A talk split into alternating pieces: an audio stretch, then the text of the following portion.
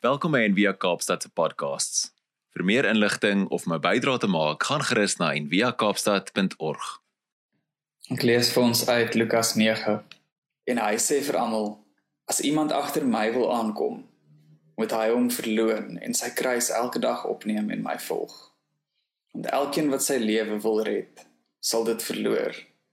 Maar elkeen wat sy lewe om my ontwil verloor, hy sal dit red.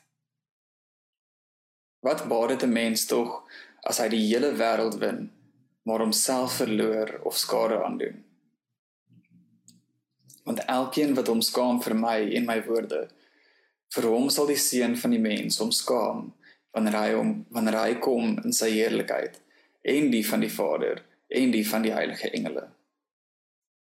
Ek sê vir julle met waarheid, daar daar is sommige van van die wat hier staan wat die dood sekerlik nie sal smaak voordat hulle die koninkryk van God gesien het nie.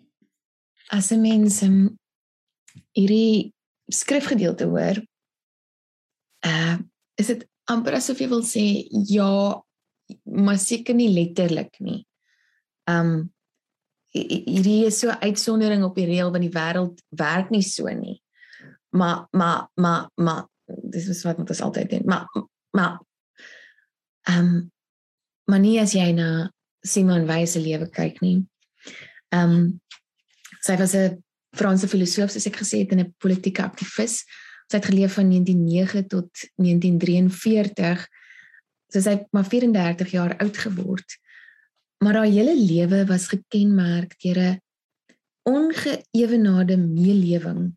Ehm um, in die letterlike sin van die woord met die pyn van die wêreld. Sy het ek het vir my ma vanoggend gesit en vertel en dit dit dit verstom my elke keer as ek dit um vertel oor haar of as ek dit hoor weer. Sy het reeds op die ouderdom van 5. Nou ek weet nie of julle onlangs dit doen gehad het met 5-jariges nie. Um geweier om suiker te eet omdat die soldate in die Eerste Wêreldoorlog nie hierdie voorreg gehad het nie. Watter 5-jarige ken jy wat een sal weier om suiker te eet en twee omdat die soldate in die oorlog nie hierdie voorreg gehad het nie. Dis amper asof mense wil sê what kind 'n 5-jarige meisiekind wat kom uit 'n welgestelde agnostiese Franse gesin, ehm um, leef in solidariteit met soldate. Sy's 'n 'n meisie gewees wat van jongs af 'n amper 'n argetipiese stryd met haar ouers gevoer het wat die standvastige burgerlike wêreld verteenwoordig het.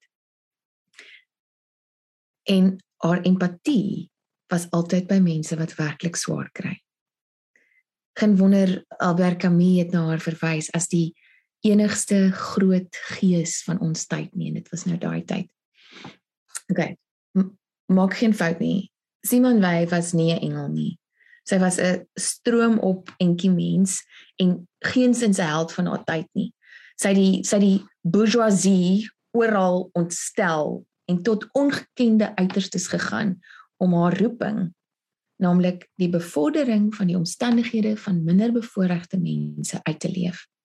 Sy het al op 15 haar BA in lettere en filosofie klaar gemaak.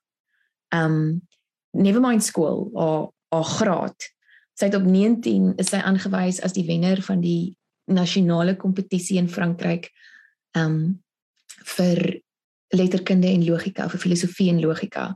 En as jy dink, ek weet nie of jy al die naam gehoor het, Simone de Beauvoir wat langer as sy geleef het, was tweede. Was daar nie min kompetisie nie. Maar sy het 'n klomp onderbrekings gehad in haar studies. Um want sy het gekies om uit eie vrye wil in motorfabrieke en op wynlande te werk deur die dag terwyl sy in die aand haar Grieks en haar filosofie en haar Hindu en haar Sanskrit um geswat het. Sy was deel van verskeie vakbonde en stakings van die werkersklas en sy was altyd saam met die mense in kontak met die grond. Sy het geglo dat enige intellektuele werk hoe slim jy ook al dink jy is, moet hand aan hand gaan met fisiese werk. Teorieë hierso moet spruit uit waarneming. Jou harsings moet spruit uit wat jou hande weet. Uit direkte ervaring. Anders is dit bloot ideologie, soos wat sy baie politieke partye, sy was glad nie 'n fan van 'n politieke party nie. Ons ek weet ons word nou weer geforseer om 'n fan te wees van een. Um en sy het gesê as ideologie nie spruit uit ervaring en waarneming nie, is dit net 'n ideologie en daarvoor het sy baie min tyd gehad. Sy was ook vol neuroses, um wat vir baie van ons baie keer in die pad staan. Ons dink um angs en neurose is in direkte teenstelling met uh met heilig wees, met ons roeping uitleef.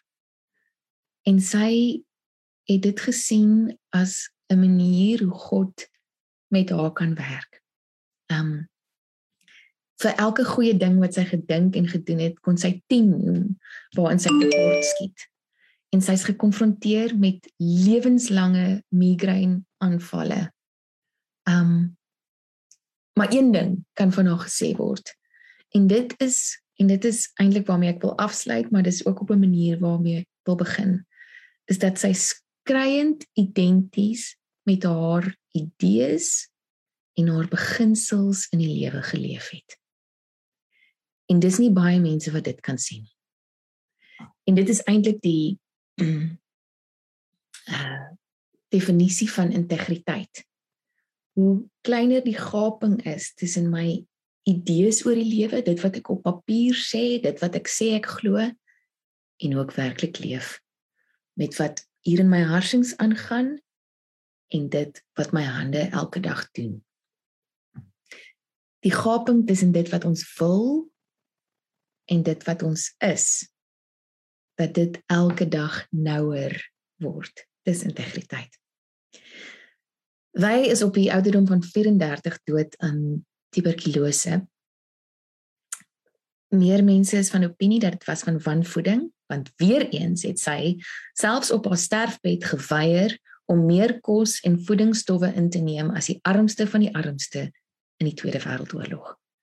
Een biograaf sê egter dat wat ook al die verduideliking vir haar dood was, die saak eintlik so staan in close imitation of Christ, she died of love. Sy het dood gegaan van liefde. Sy het nie gekies om dood te gaan nie, maar sy het kies, sy het gekies om aan te hou lief hê, wat baie mense van van Christus ook sê. He didn't choose to die, but he chose to persist in love and that led to his death. Um wat 'n grafskrif ek wens iemand uh in die tyd toe daar nog baie grafte was she died of love. Sy het dood gegaan van liefhe nou Simon wys as ek gesê het kom uit 'n 'n familie waar sy nie godsdiens geken het nie. Sy het geweier tot die einde om um die om om mystics se werk te lees want sy was so bang dat haar eie ervarings spruit uit wat sy lees en nie dit wat sy voor haar siel weet nie. Maar haar eerste mistiese ervaring was in 1937 in Assisi. En dit is nooit te vind in in, in boeke nie. Dis die een ding wat sy skryf, sy nie kon leer nie. En sy's bly, sy het nie groot geword in die kerk of ooit oor die heiliges gelees nie, want dan sou sy kon dink haar ontmoeting met God was wensdenkery of was selfgefabriseer. Sy skryf if one could imagine any possibility of error in God, I should think that it had all happened to me by mistake. But perhaps God likes to use castaway objects, waste, rejects. En omdat hierdie ervarings haar so van haar voete afgehaat het en sy skryf sy moes kniel. Sy sê God het haar van haar voete afgeslaan, so sy moes kniel. Sy het geen ander keuse gehad nie. Sy het nie by haar ouers geleer om langs haar bed te kniel en te bid nie. Het sy geweet dis waar. Sy skryf sy hoef nooit te geglo het nie. Want sy het geweet. En dis waarskynlik hoekom sy altyd en ek sal weer terugkom daarna toe op die drempel van georganiseerde geloof gestaan het op die drempel van georganiseerde godsdiens gebly het. Haar rede daarvoor was for the love of all things outside Christianity. Sy het 'n intense innerlike stryd gevoer met die um, met die doop as sakrament. Um nie omdat sy nie wou gedoop word nie, maar omdat sy nie geweet het of dit vir haar bestem was nie. En tot vandag toe wonder mense of sy ooit skelm laat doop het, want dit was so hinkering by haar om om gedoop te word. maar sy skryf love thy neighbor was sterker by haar as haar behoefte om gedoop te word. En dat sy getwyfel het of as sy haar laat doop of dit 'n manier sal wees om haar te skei van al die ongedooptes al die al die of sy 'n ander kleur sou kry. Die Christen kleur vir die wat nie gedoop is nie en vir die wat aan die buitekant van die kerk staan en daarmee kon sy haarself nie vereensgewig nie. Dit was eers veel later dat Christus self en daai woorde wat Gerda gelees het um besit geneem het van haar. Uh sy skryf wel dat hy haar gevange geneem het en dat sy nooit weer werklik kon ontsnap van hierdie werklikheid nie. Sy verstaan egter geloof as 'n uitdrukking van 'n van 'n transcendentale 'n 'n 'n wysheid wat wat alle begrip ehm um, te bowe gaan wat wat ander kant verstaan is as sy hierdie woorde skryf. Sy sê Greece, Egypt, ancient India, the beauty of the world, the pure and authentic reflection of this beauty and art and science. These things have done as much as the visibly Christian ones to deliver me into Christ's hands as his captive. I think I might even say more. Sy het gekies om tot die einde van haar lewe 'n sosiale randfiguur te wees, 'n buitestander van sisteme. Sy het geglo dat die waarheid die meeste van die tyd 'n ongemak met dit meebring en nie gerief soos wat sy ervaar het die meeste Christene van haar tyd in verval het nie. En in hierdie konteks het sy gesê dat ons tog maar eerder die regte hel moet verkies bo 'n hemel wat net in die verbeelding bestaan. Dat God in die realiteit van die wêreld homself openbaar. Dat Christendom bovenal vleeswordend en beliggaamend van aard moet wees, anders is dit net dooie praatjies. Dis nie dat sy nie verlang het haar grootste verlange was na na vriendskap en geborgenheid en 'n gevoel van behoort juis omdat sy haarself as 'n buitestander beskou het. Sy het net geglo dat sy nooit werklik deel kan wees van iets wat mense in 'n stelsel omskep het nie. As sy nie in die proses ook iemand anders buite die bevoordiging van so 'n stelsel verraai nie. En sy sou eerder nie die minderbevoorregtes verraai nie as wat sy vriendskap en 'n sin van behoort het in 'n stelsel wat die minderbevoorregtes verraai. En tot haar dood kon sy nooit hierdie hierdie hartsbegeerte wat sy geglo het selfsugtig was. Ek dink as sy langer geleef het, sou sy dalk sekere van haar idees gaan herbesoek het maar sy het geglo hierdie begeerte van haar om te behoort, om te belong, om om vriendskap te hê was 'n selfsugtige een en sy kon dit nie versoen met haar gewete wat sy geglo het God se stem in haar was nie.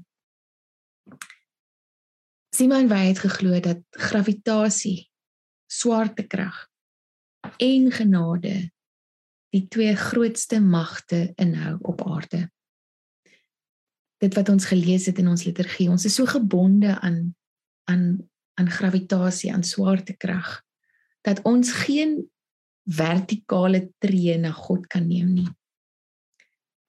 En dit is waarskynlik waar beheptheid met die mense op straat met God in ander mense met God op straat vandaan kom omdat sy geglo het dit is al wat sy het dis al krag wat sy het is horisontaal ten spyte van haar groot intellek en dit slegs deur die mag van genade dat hy dat God nader aan ons gekom het dat God ons te binnekom. Ehm um, sy skryf hartroerend en um, ek sal later weer daarby kom as hy praat oor honger en dors. Sy sê the danger is not lest the soul should doubt whether there is any bread but lest by a lie it should persuade itself that it is not hungry.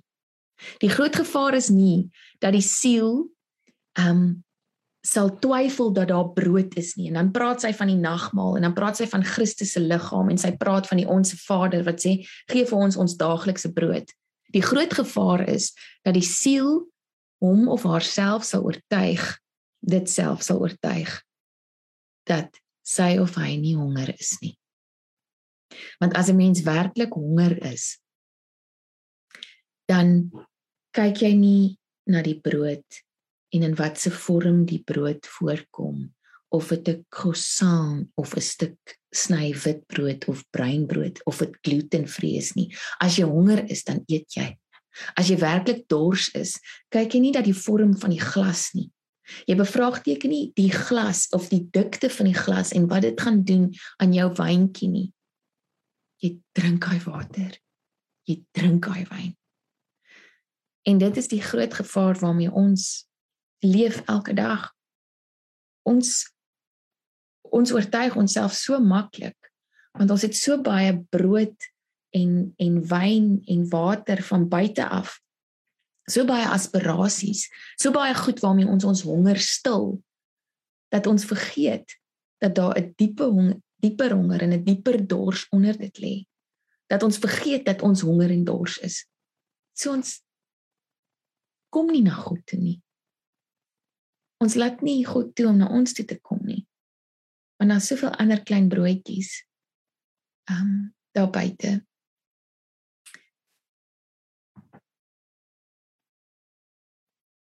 Hoe staan ek en jy vandag voor God? Um dis die dis dis die vraag wat sy wat sy gevra het. Is ons reeds so gevul met die lewe en sy lekkernye waarmee op sigself niks fout is nie. So so bedek onder die fluff, onder die fluffie van ons gemakskussings en ons warm komberse dat ons net na hom toe kom omdat die daad van drink en hoe dit ons laat voel aanloklik klink of enorm is. Of laat ons ons werklik vind deur hom omdat ons dors is. Dat dat God alles waaraan ons kan dink. So sy sê, as jy regtig dors is, dan dink jy bloot aan die water, regte water en nie die beeld van die water nie. Die die die smagting, die hinkering, die versigtiging na water is soos 'n kreet wat deur jou hele lyf gaan. En dis hoe sy gevoel het teenoor God. Omdat sy haarself met niks anders omring het om haar werklike honger en haar werklike dors te stil nie omdat sy dood is aan wanvoeding. Ehm um, sy het die die volgende gesê uh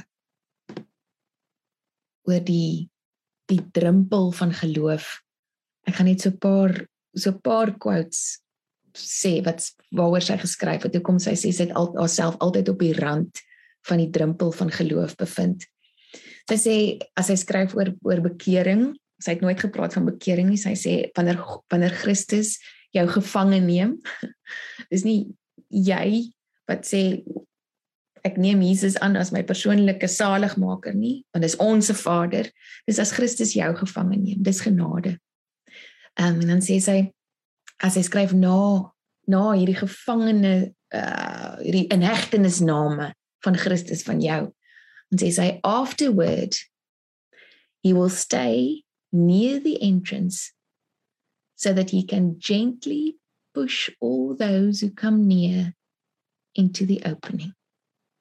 Dis nie net ek en my klein hoekie en jy en joune en ek en my Jesus nie. Na Christus my gevange geneem het, sal ek so na aan die opening bly staan sodat ek almal wat naby die opening kom baie sagkens kan nader druk. Ek sal nooit te diep in die gebou ingaan om nie 'n deurwag of 'n 'n verwelkomer 'n 'n welkom welkom mens te kan wees vir almal wat naby die opening staan maar nog nie nog nie binne die deur gekom het nie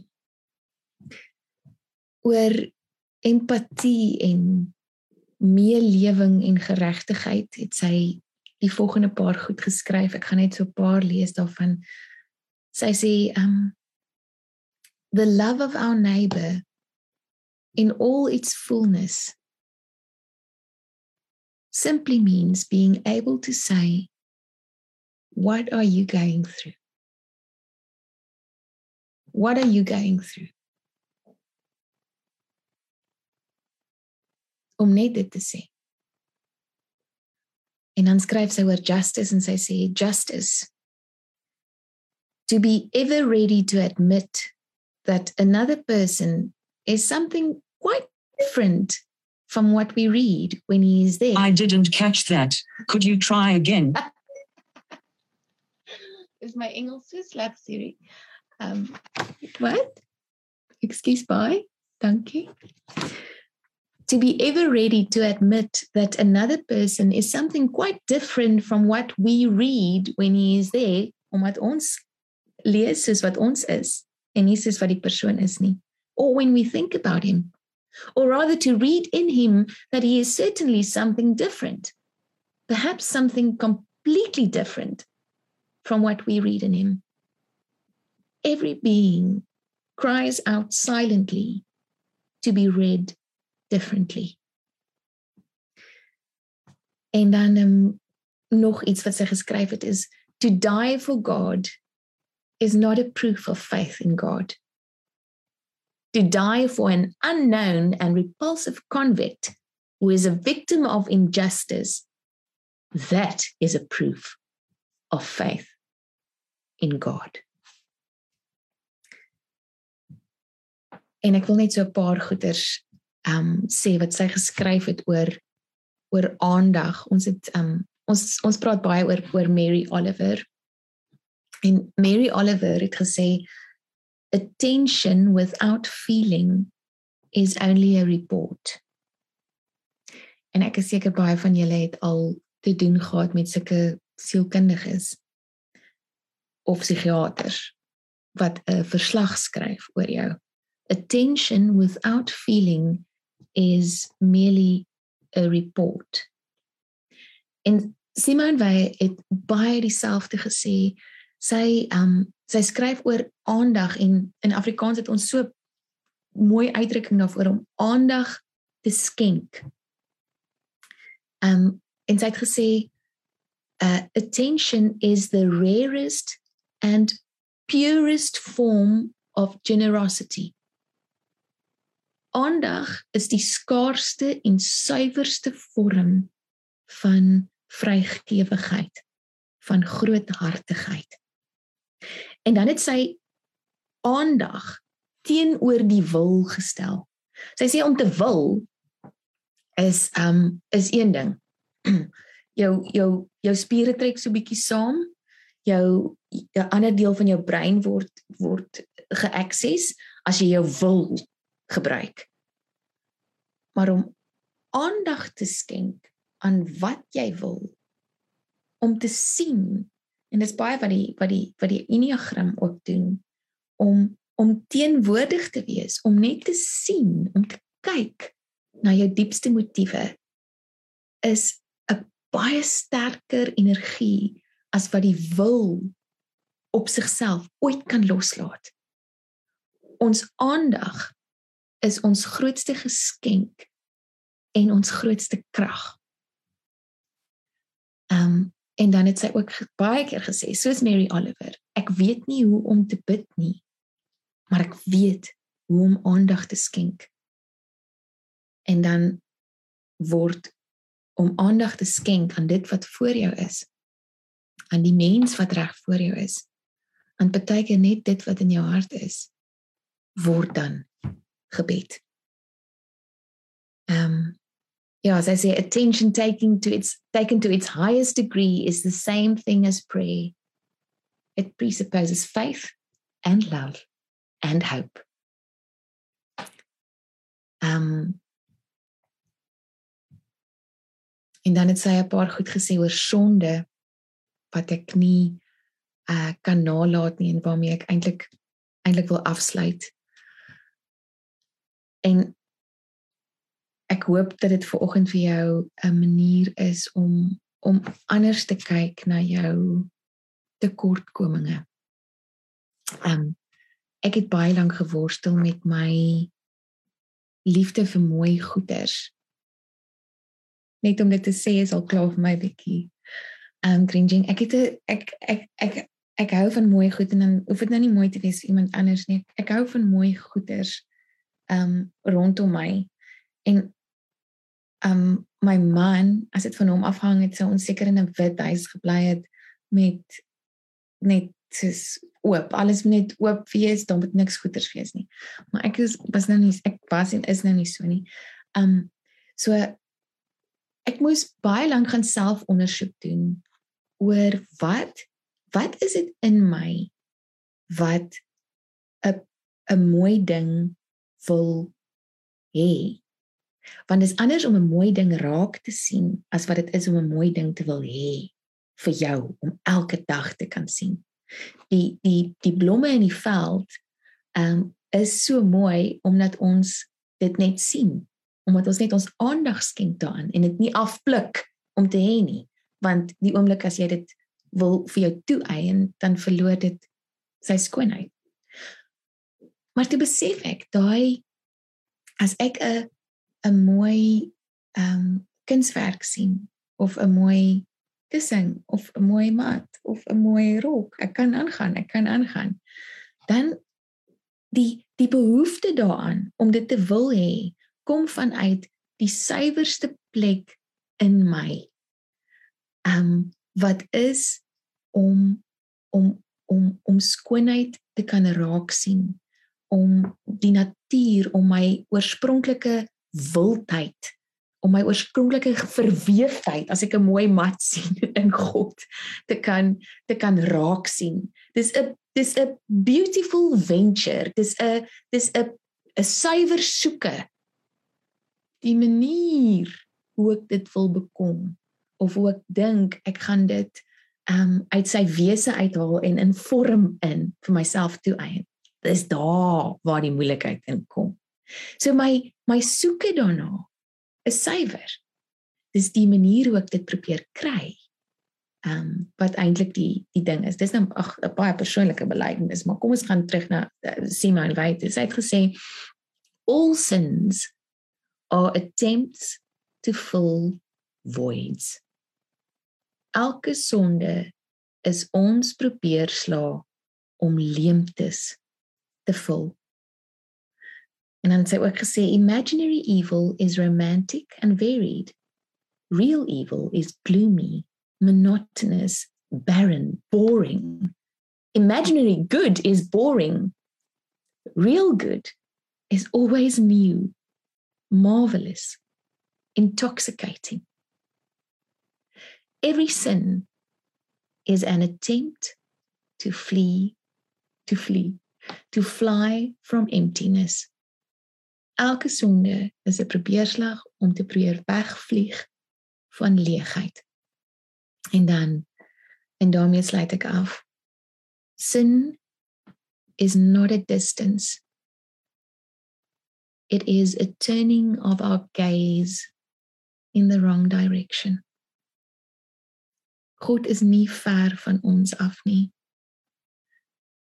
Dis net dat ons baie keer in die verkeerde rigting kyk op soek na God en nie God toelaat om ons te vind nie.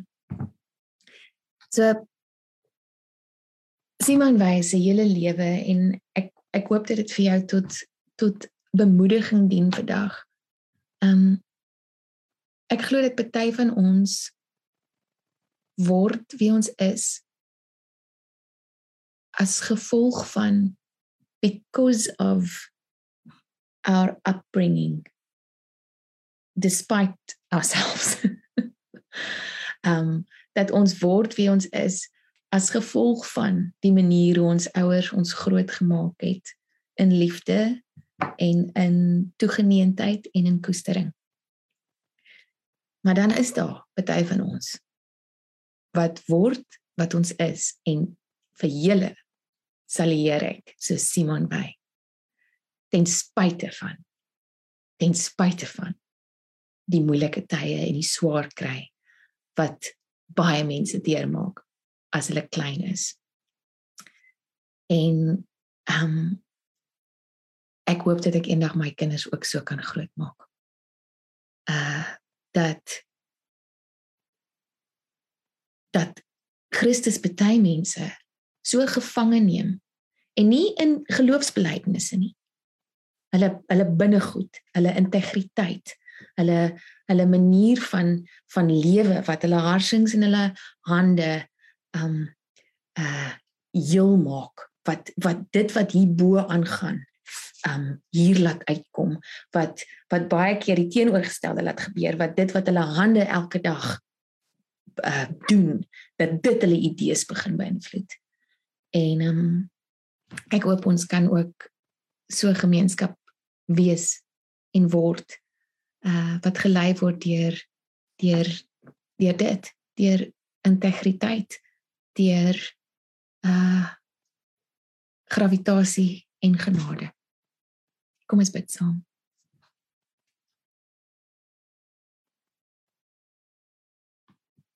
Baie dankie. Here